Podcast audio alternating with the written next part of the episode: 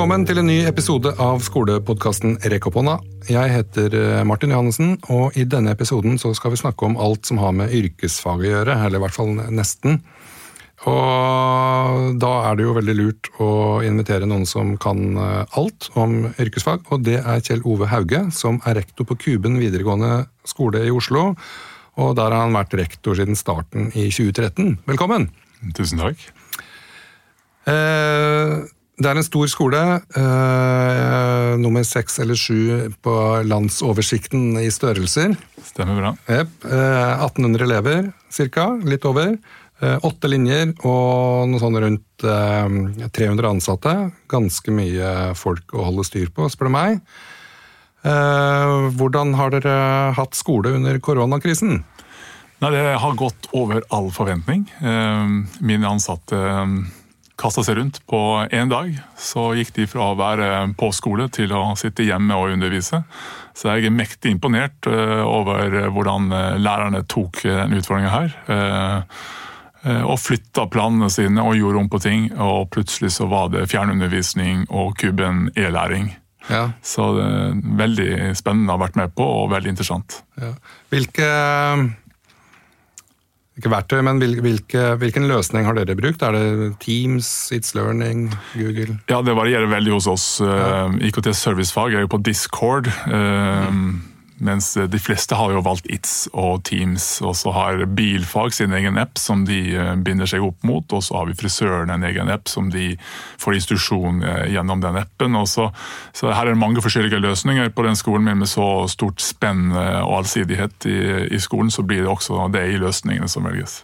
Ja, nemlig, Så dere har ikke én sånn ting som alle skal gjøre, og et sted alle skal være? Nei, Hos oss er det stor individuell frihet i hvilke løsninger eh, lærerne og, og teamene velger å bruke. Ja, Det er sånn jeg egentlig har hørt litt eh, rundt fra andre videregående skoler, og, og grunnskolen òg, for så vidt. at man velger de løsningene og verktøyene som er best for den læreren eller den linja eller det faget. Ja, det er veldig stor individuell forskjell på, på, hvor trygge lærerne er på å bruke de ulike verktøyene. På, så Vi ser en sånn veldig utvikling. Alle begynte på ITS, noen var dus med Teams allerede og var i gang.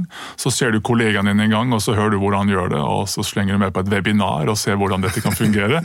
og så plutselig er du i gang sjøl inn i Teams og, og, opplever en helt ny verden som lærer. og Dette har vi mange lærere nå som har tatt sjumilssteg på få uker her nå, eh, digitalt og teknisk. Så det er veldig spennende. Ja, tenker du at de vil ta med seg den digitale si, entusiasmen eh, når, når skolen eh, når de ikke trenger det lenger? Ja, det er jeg helt sikker på at de kommer til å gjøre. Jeg er helt sikker på at dette her har gjort noe, og det blir jo en viktig eh, oppdrag for meg og mine medledere eh, å sikre at den kunnskapen og den eh, kompetansen som vi nå tilegner oss, erfaringen vi tilegner oss, blir brukt på en fornuftig måte videre. For vi må ikke bare slippe oss tilbake og si ok, nå er vi tilbake sånn som det var. For jeg tror det de blir aldri sånn som det var. Vi kommer til å tenke Nei. mer nytt. Ja. Jeg gjør nok det. Ja, og jeg skulle jo egentlig ønske at jeg var helt sånn 100% enig. Og så har jeg tenkt litt eh, og hørt litt fra lærere som eh, først var ganske entusiastiske med nettundervisning og videoundervisning. Eh, og etter hvert så har det blitt et litt sånn energitap for dem. Det at du mangler den der blikkontakten, kroppsspråket, relasjonen du har til eleven i klasserommet. At den kan jo ikke på en måte bli erstatta gjennom en skjerm. Nei. Det, det, klarer ikke vi heller. og Jeg tror ikke det er dit vi skal, at vi skal fortsette å holde på 100% hjemme. Men jeg ser bl.a. nå at vi har nå en lever som responderer veldig godt på å få sitte hjemme og få mm. konsentrere seg. Eh, som av ulike grunner ikke trives så godt i fellesskapet. Det kan være at de er introverte eller har noen form for angst. Eller, så her, jeg tror vi har åpna noen dører for disse elevene som har vært litt på utsida, som vi nå kan få inkludert. Men også de kan ikke sitte hjemme alltid. Vi må jo få de inn i fellesskapet, de òg. Men hvis dette her er en vei inn til å få skapt noe læring, litt mer inkludering, eh, og koble på lærer og elev i større grad, så tror jeg dette her er en måte å tenke for noen elever fremover. Mm. Absolutt. Det er litt sånn erfaring fra egen skole også, akkurat det som lærerne forteller, at elever som har vært ganske har vært, Riktignok vært i klasserommet, men på en måte ikke vært til stede, eh, har blomstra. Når de kunne sitte hjemme i Jeg tenker at du sitter hjemme i et trygt miljø. da. Jeg tenker Det er trygge miljøet egentlig er stikkordet her. At vi må prøve å skape det trygge miljø på skolen også? Ja, det er jo en viktig del av våre oppdrag.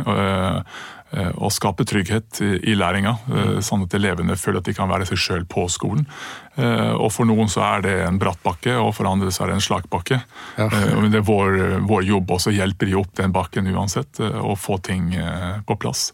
Så har vi på andre sida elever som nå faller av ja. Eh, som vi ikke får tak i. Som var på vei ut, eller iallfall helt på utsida eh, i det vi kaller rød sone, før vi gikk inn i den krisen her. Ja. Eh, og Der ser vi mange vi har nå hatt problemer med å få tak i og få inkludert inn gjennom digital læring. Eh, og Der har vi i større grad rett og slett henta inn én og én eh, og jobba med dem. Eh, enten ringer de opp, eller så rett og slett kom innom. Så setter vi oss på et stort rom sammen. Du sitter på ene sida, og på andre sida. Så jobber vi sammen. Ja. Og Det har vi fått til hos noen av dem. Så det har fungert. Så her, Det å bruke spekteret av muligheter det har vært viktig. Det hørtes jo veldig lurt ut. Ja, det er liksom det samme vi har fått hørt om disse sårbare barna. Eh, og De er sårbare eh, også etter de er barn. De er sårbare ungdommer og de er sårbare unge voksne. Så vi må ikke glemme at eh, en vokser ikke av seg sårbarheten alltid. Nei, og det er ganske viktig å tenke på. For det var jo nesten litt sånn rørende når myndighetene begynte å bry seg om de sårbare barna, som jo selvfølgelig lærerne bryr seg om hele tida. Det, det, er jo hverdagen til lærerne er å bry seg om elevene. Men nå har noen av elevene kommet tilbake. Og Hvordan har det vært? Det har vært så spennende. Eh, jeg var rundt i verkstedene på mandag og hilste på elevene mine. og eh, Det var bare herlig å se aktivitet inn igjen. Snakke med elevene, snakke med lærerne som du ser endelig fikk stå i verkstedet. Eh, og Det er det med verkstedene som har vært clouet i, i denne runda her. Mm. Det er vanskelig å få til verkstedsundervisning på digital plattform. ja. Eh, vi får det faktisk til for frisørene, på en eller annen måte, for de har fått kjørt hjem frisørhoder, altså hoder med hår på så de kan jobbe med, og så har de en instruksjonsvideo ved siden av, og så samhandler vi med den på den måten. Så det, På noen plass har vi fått det til, men på bilverksted, bilverksted, elektroverksted så har det vært mye vanskeligere. Så det har vært deilig å få de inn igjen, ja. der de kan begynne å skru. Vi brukte mandagen på hvor var vi når vi slutta, hvor skal vi fortsette nå? Ja, og så kom de i gang igjen eh, og fikk bruke hendene sine og, og skrue. og å bygge og skape igjen. Veldig bra. Så kult, for det er jo, man skjønner jo det at et sånt uh, hode med hår kan man sende hjem. Det er verre med å sende hjem en bil. Og, liksom. Det er helt riktig. Ja, Men uh, det, er litt bra. morsomt, for du sier elevene dine. Elevene mine, sier du. Og det har jo vært på et par sånne omvisninger med deg oppe på Kuben tidligere. Og det som har overraska meg veldig sånn positivt eh, hver gang, det er at du er på fornavn med ganske mange elever. Ja, altfor få, eh, for jeg er litt for dårlig på navn. Men ja, jeg mm, treffer jeg ofte i fellesskapet, spesielt i Storefri, når eh, skolen min plutselig våkner til liv. For det er en stor skole, så når det er undervisning, så er det helt stille i fellesområdene. Og så kommer de store pausene, og ikke minst det store fri når vi skal ha lunsjpause. Og da er det et yrende liv, og da elsker jeg å gå rundt og spørre elevene hvordan de har det, snakke med dem, følge dem opp fra en samtale jeg har hatt før. Ja. Og spesielt disse her elevene som kanskje trenger at rektor kommer og klapper litt på ryggen og spør hvordan det går. da. Ja, Da sender det ut som en oppfordring til alle skoleledere og rektorer eh, i det ganske land om å gjøre det. Gå ut og snakke med folk. Det setter de nemlig stor pris på. Ja da, det er favorittida mi på dagen. Å få gå rundt og hilse på elevene, det er ikke noe å snakke om det. Nemlig. Men forrige gang du var eh, gjest her i Rekka Ponna, det var episode 11 i 2018, som var eh, uh, yrkesfagens år. Uh, og Da var det jo veldig mye sånn oppmerksomhet rundt yrkesfaget. og sånt. Har dere på en måte merka noe på kuben, noen effekter av yrkesfagenes år? Nei, det er vanskelig å vite. I Oslo har vi jo merka en liten fremgang. 17-18 18-19, så hadde det gått en liten stigning, men det er snakk om bare små prosenter. Vi ønsker å få opp imot en tredel i Oslo. Hvis Du har eh, Annenhver elev i Norge velger yrkesfag. I Oslo så er det eh, hver fjerde. Ja. Eh, så er, Vi har en vei å gå, men vi ønsker å komme opp til hver tredje elev nå. Da, og, og, det er en jobb. Og vi kryper sakte, men sikkert nærmere uh, den streken. Uh, og nå er jeg redd for at vi får en liten tilbakegang nå. Uh, det det, vil nok komme en konjunkturnedgang nå, når økonomien vår blir så hardt ramma. Og den slår alltid inn på yrkesfagene. Så nå er det viktig for oss å slå et slag for at Eh, vi må satse på yrkesfagene igjen. Vi må gi oppdrag ut til bedriftene, så bedriftene holder seg flytende. Det er kanskje viktig å gi dem oppdrag, byggeoppdrag alt vi kan gi av oppdrag til de små bedriftene. Kanskje heller enn å uh, gi handouts, sånn som det har vært en løsning på nå. da. Ja, Så har man jo kanskje funnet ut at skolene egentlig og barnehagene må være dobbelt så store. hvis vi skal klare å holde avstand hvis uh, det kommer en ny pandemi. Ja, nei, det, Hvis vi skal tenke så langt frem, så har vi jo et kjempeproblem hvis vi skal måtte være på skolen eh, og holde avstand. Det er stor forskjell på skolene òg, hvordan vi er utforma. På Kuben er vi jo heldige med den gigantiske foajeen vi har på Kuben. Mm. Men så har vi nabobygget vi kaller Bykuben, ja. der vi òg har 400-500 elever. Og de må gjennom en liten eh, inngang. Så der vi kunne, måtte vi hatt to forskjellige ordninger. Hvis vi skal åpne Kuben nå for fullt, så må vi ha to forskjellige måter å åpne den på, bare på én skole. Så kan tenke ja hvor mange forskjeller det blir rundt om i Skole-Norge. Ja, det tenker jeg. Og det, de utfordringene gjelder eh, egentlig er litt sånn de samme for om du er liten eller stor skole. For det, du har jo plass til de elevene du har uh, uansett. Dere er 1800, vi har 100 hos oss. Vi har to innganger. Vi må bruke begge to nå, selv om vi bare er første til fjerde som skal dit. Ja. Men hva, hva, tenker du må gjøres, da? Tenk politisk, da, litt sånn stort. Hva, hva må politikerne gjøre for at antallet søkere til yrkesfag i Oslo skal økes? Ja, Det er en veldig vanskelig spørsmål, fordi vi har prøvd så mye. Eh, men først og fremst så må vi eh, prate opp yrkesfagene, fortelle om mulighetene som er, og så må vi fortelle om behovene som er der ute. Eh, men når vi gjør det, så må vi følge opp med at behovene er der når elevene står klare til å komme ut og bli lærling og arbeidstaker. Sånn at vi, ikke, vi kan ikke love dem noe som vi ikke kan følge opp på. Nei. Og det har vi kunnet gjort. Det er behov der ute. Det Har vært et skrikende behov innen både bygg og helsefag og bilfag. Og, eh, så der har ikke vi hatt de store problemene. Men akkurat nå er vi litt usikre på eh, hvordan det kommer til å se ut i um, året som kommer, fra høsten og utover. Men vi er helt sikre på at det kommer til å ta seg opp igjen innen kort tid. Mm. Og hvis ikke vi tar vare på lærlingene våre nå, og utdanner fagarbeidere nå, så kommer vi til å stå i manko gjennom to-tre år. Så ja. Derfor er det viktig å ikke slippe slippe garden i hele tatt. Vi må bare fortsette å utdanne folk og så få de ut og gjennom. Eh, og så får vi ta de mer kostnadene som blir eventuelt første året hvis de får en konjunkturnedgang, men da er vi klar når oppgangen kommer igjen. Nemlig. Vi skal snakke litt mer om, om lærlingene om ikke så lenge.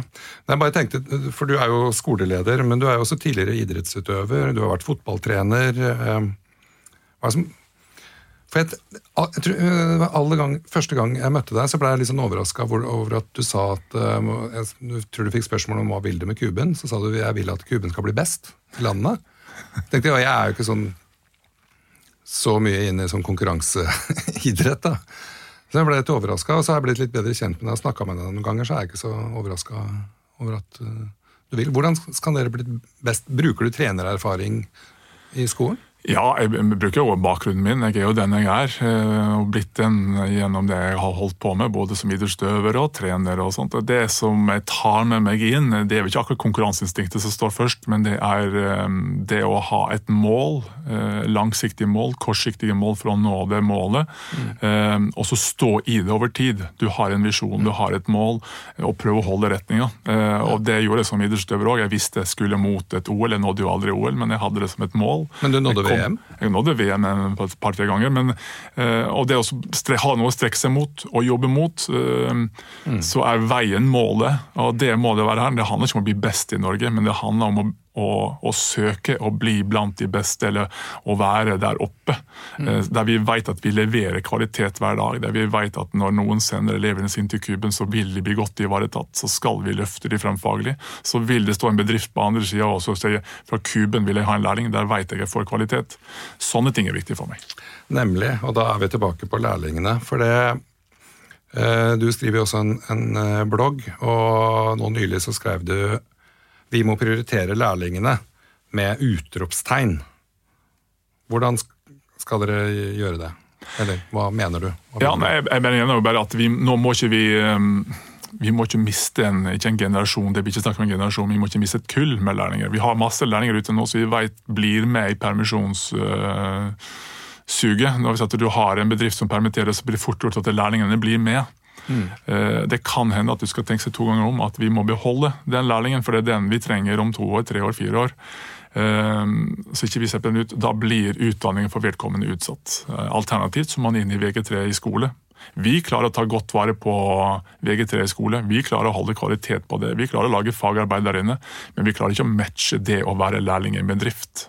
Nei, nemlig, for det er, det er jo en helt annen erfaring. altså En jobberfaring er jo noe annet enn en skoleerfaring. Ja, det, det, Verdiskapning er én bit, men også det å oppleve arbeidslivet, være der ute. Hos oss blir det sånn verksted, øvelse, forberede på fagprøven, svennebrevet. Altså øve på ting. Uh, mens der ute så er det jo det virkelige. Der har du verdiskapning, der møter du kunden, der er, står du litt mer i det. Vi, vi sliter med å speile det inn på skolene. Ja, Det var litt interessant det der med, kunden, eller kundekontakten. For vi snakka med noen her tidligere, må ha vært i fjor, eh, som på blomsterdekoratørlinja på Edvard Munch. Eh, og de hadde begynt et eget opplegg med kundebehandling. De hadde eh, øvd på å ha en sånn slags workshop hvor de øvde på å være snakke til en kunde. da. har dere noe sånn tilsvarende hos dere? Nei, Har ikke vi akkurat de kundenære fagene i stor grad, men på IKT-servicefag så gjør de det. Ja, Frisør tenker jeg er jo sånn veldig Ja, frisør og de øver jo på å bli hobbypsykologer, så de står jo og prater mens de jobber. Eh, og Der er det mange veier inn, men på IKT servicefag er jo et serviceyrke. Der skal du møte en kunde og legge opp eh, om du skal legge opp et kontor eller om du skal bare ordne noe rundt. Så skal det jo være til kundens tilfredsstillelse. Så der blir det sånn, Også innen deler av elektrofagene så vil det være der, men der vil du oftere bli leid inn som del av en entreprenør. Så da blir det eh, litt annerledes. Kanskje litt mindre kundekontakt, men er du i en mindre bedrift, så er du hjemme hos folk. og det er klart at Da må du ha tillit til det døra blir åpna, så må du innbringe tillit, sånn at de ringer tilbake til bedriften i neste gang de trenger noe òg. Og ja. dette er en viktig del av, uh, av opplæringa av elevene våre, men som jeg tror bedriftene er bedre på enn vi kommer til å være i skolen nesten uansett. Ja, og det tror jeg òg. Jeg uh, um, droppa jo ut av videregående. Jeg gikk ett år på teknisk tegning på yrkesskolen i Horten. Og så begynte jeg å jobbe i platebutikk ja. isteden gjennom et sånt uh, prosjekt i kommunen, så de lønna av første år og sånt. Men sånn i ettertid så syns jeg at det har vært minst like lærerikt. og Særlig den der menneskekontakten og kundekontakten og det å liksom forholde seg til mange ulike mennesker. Det er, tror jeg er noe jeg har tatt med meg inn i, i klasserommet òg. Og både overfor elever og overfor uh, for foresatte òg. At du er liksom vant til å snakke med høy og lav. da. Ja, og Det er jo noe som eh, enhver vil ha på CV-en sin hvis du har stått i butikk eller stått og møtt mennesker eller rett og slett holdt i en jobb ved siden av eh, over tid så er det en viktig bit for å bygge en CV, så at en dag så er du ettertrakta på arbeidsmarkedet i forhold til den som ikke har hatt arbeidserfaring og kommer ut. Det er litt av utfordringen vi har i Oslo i forhold til landet ellers. Eh, det er litt lettere å få seg en strø jobb, eh, en jobb i et eh, selskap. Kanskje du har en hjørnestensbedrift. Oslo sliter med å ha hjørnestensbedrifter på samme måte. Har vi, noe, vi har jo ikke noe Lite, ikke sant. Men du har noen rundt om. Det er noe, men det er veldig lite. Du må ja. som regel litt ut. Men det å kunne få arbeidserfaring, sånn at når du ser på CV-en og henter inn en lærling, så ser du at ja, du har holdt en åtte til fire-jobb over en sommer eller tre somre, eller på kveld der har du jobba litt. Mm. Så det er litt lettere å si den personen tar vi inn. Eh, bondegutten som har jobba siden han var seks år gammel på gården sin hjemme. Eksempel. det er klart at det, Du har en annen eh, forhold til å stå opp, fryse på fingrene, stå ute i kaldt vær, kle deg når det regner, enn bybarna våre som er oppvokst i blokk. Ikke noe negativt om det, men de har ikke den erfaringen. Nei. Og akkurat det, Så den må vi skape, den må vi gi dem i løpet av vår opplæring. Ja, tenker, og Det er jo egentlig et veldig sånn interessant uh, aspekt, at skolen på en måte blir en erstatning for, uh, for sommerjobber og arbeidserfaring som var vanlig for 20 år siden. Da. Ja. Det, er vanskeligere å få seg en sommerjobb. Så ser vi samtidig eh, at vi har selskap, nå skal ikke vi promotere McDonald's, men de er gode på så jeg, liker den reklamen der det står 'ta en av mine ansatte'. Ja. Jeg liker den. Vi har øvd de opp. Det her har de fått uh, stått på gulvet. Det er hardt arbeid. Ja. Uh, og de har hatt kundebehandling, og de har stått på hardt gulv og jobbet og slitt. Dette blir det arbeidsfolka. Jeg har litt sans for den måten å tenke på som ligger bak der. Ja, ja det, det, er noe bra med McDonald's òg, da. Det er jo enda godt. Så skal vi snakke opp eh, alle her. Men uh, yrkesfag gir jo mange muligheter. Og ofte så er det likevel et slags refreng som sier at du må velge studiespesialisering, for da har du alle mulighetene. Men det er jo ikke sant. Nei, det er langt ifra sant. Eh, og du har ikke stengt en eneste dør ved å begynne på yrkesfag. Du har flere dører åpne. Det er enklere å gå ifra Eh, yrkesfaglig utdanning og over i studieforberedende retning, eh, ingeniør og hva som helst, arkitekt, enn å komme andre veien. Hvis du først har gått tre år på studiespesialisering, da har du en lang vei hvis du bestemmer deg for at jeg skal ta fagbrev. Da er du inne på en femårsvei etterpå. Så det, hvis du er usikker, så bør du begynne på yrkesfag. og så heller ombestemme deg. Men når du begynner på yrkesfag, så vil nesten alle falle for det å kunne være med, bruke kroppen sin, skape noe, være i samhandling med andre. Eh, også som sagt så står alle dører åpne for å, å skli andre veien, og Y-veien åpner seg i større grad hele veien her. For å gå, få eh, muligheten til å gå til høyskole med fagbrev og litt erfaring, så kan du skli den veien. Så her åpner seg mange veier. Så absolutt alle dører står åpne som eh, fagarbeider eh, og med et yrkesfag eh, i bakgrunn. Mm. Og så er det ikke sånn at du må stå i det yrket resten av livet. Nei. Det er få sjelden du gjør i akademisk yrke òg, men det trenger du heller ikke gjøre i et håndverkeryrke. Du kan gå videre, du kan bli boss på arbeidsplassen og du kan bli, gå videre til etter- videreutdanning.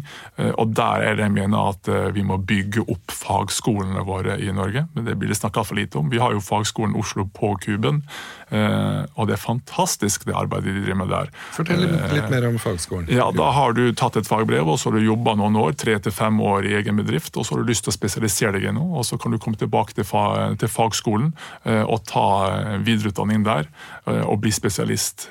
Enten du vil gå videre da og ta et mesterbrev og bli mester, eller om du bare rett og slett vil bli spesialist innen den retninga tatt.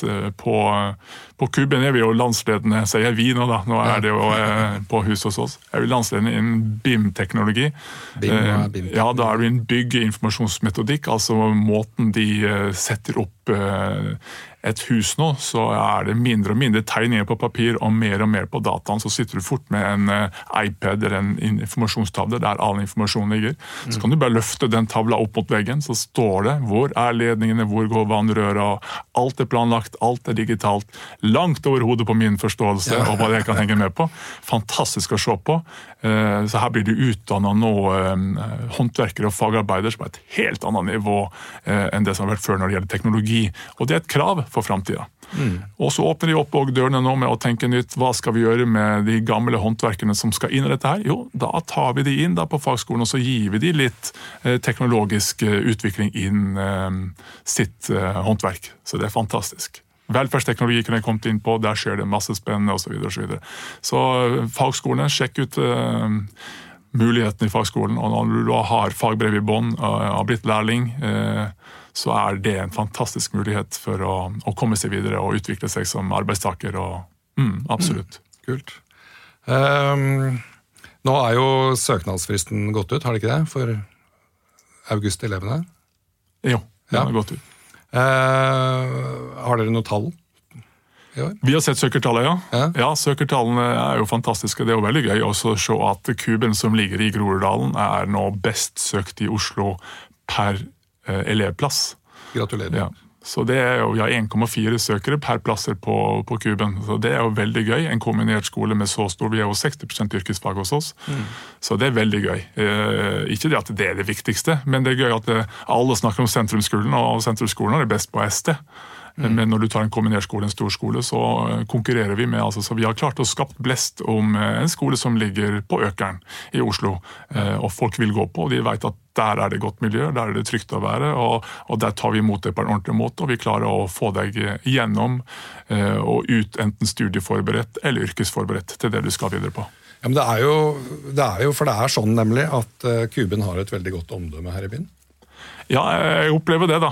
Og det blir jo alltid glad når jeg hører at folk eh, har hatt gode opplevelser hos oss. og eh, ja, De har hørt gode ting om oss. Eh, og Det er veldig gøy å se tidligere elever som kommer videre og kommer tilbake til oss og takker oss for at vi gikk gjennom akkurat det for at vi ga dem den muligheten og den sjansen. Mm. Jeg tror ikke Kuben er unik der i Oslo, men for meg som rektor så, så løfter det meg å få tidlige elever tilbake som skryter av og er fornøyd med og takker oss for det vi har gjort med, med dem gjennom eh, ett, to, tre eller fire år, for vi har så mange ulike løp hos oss. Ja, Det um, skriver jeg under på, for det er akkurat det vi merker hos oss også. At elever faktisk kommer tilbake for å fortelle at hvor fornøyde de var med oss. Mm. Og Det er utrolig rørende ja, når de da går ut der som 15-åringer og kommer tilbake som 20-åringer og skryter. Det, er, det, betyr veldig mye. Veldig energi. Ja. Vi hadde en sånn økt her nå, heldigvis så rakk vi det før, der vi inviterte inn tidligere elever som møtte personalet og fikk fortelle ok, nå går du på Handelshøyskolen Bay.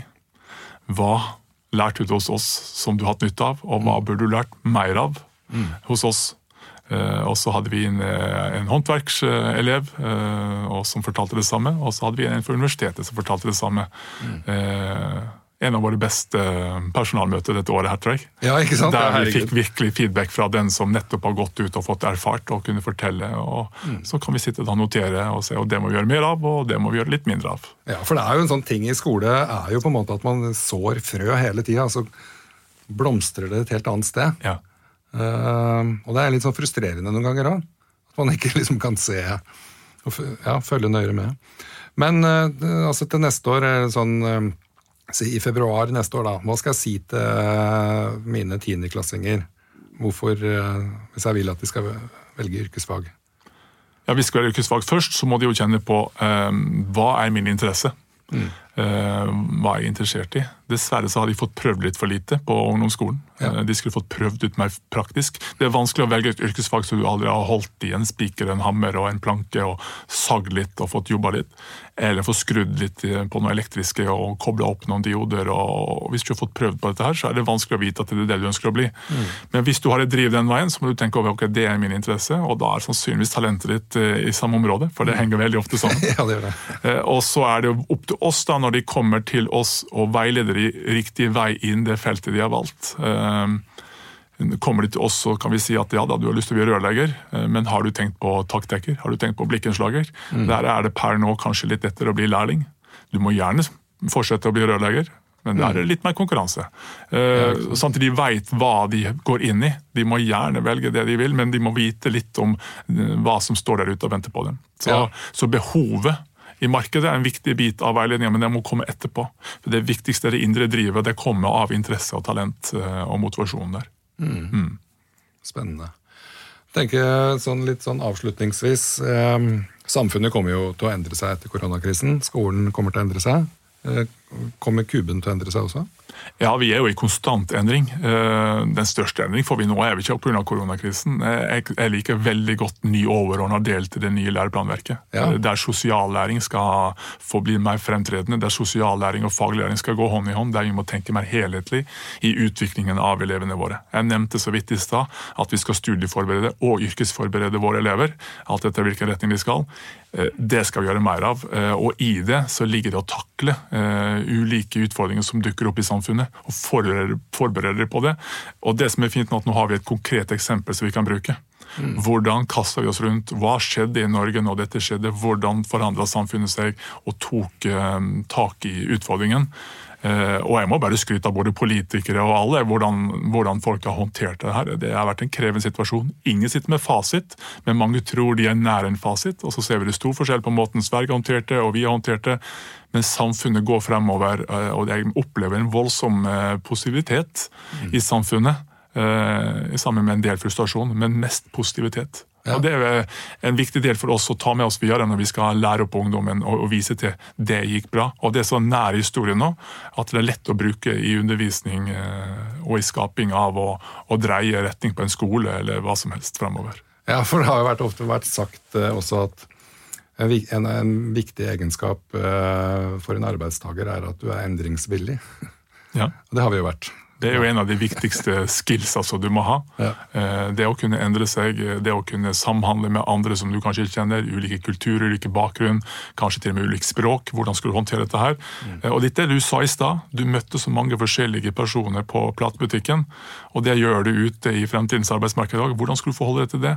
Ja, Da må akseptere at folk tenker litt ulikt og agerer litt ulikt i ulike situasjoner. Det er kanskje noe av det viktigste læringen du kan ha når du skal komme ut og få en bedrift til å fungere. Nemlig. Tusen takk for at du tok deg tid til å slå an prat, Kjell Ove Hauge, rektor på Kuben i Oslo. Bare hyggelig. Tusen takk for at jeg fikk komme. Og takk for at du hørte på Rekk opp hånda. Vi er straks tilbake med en ny episode.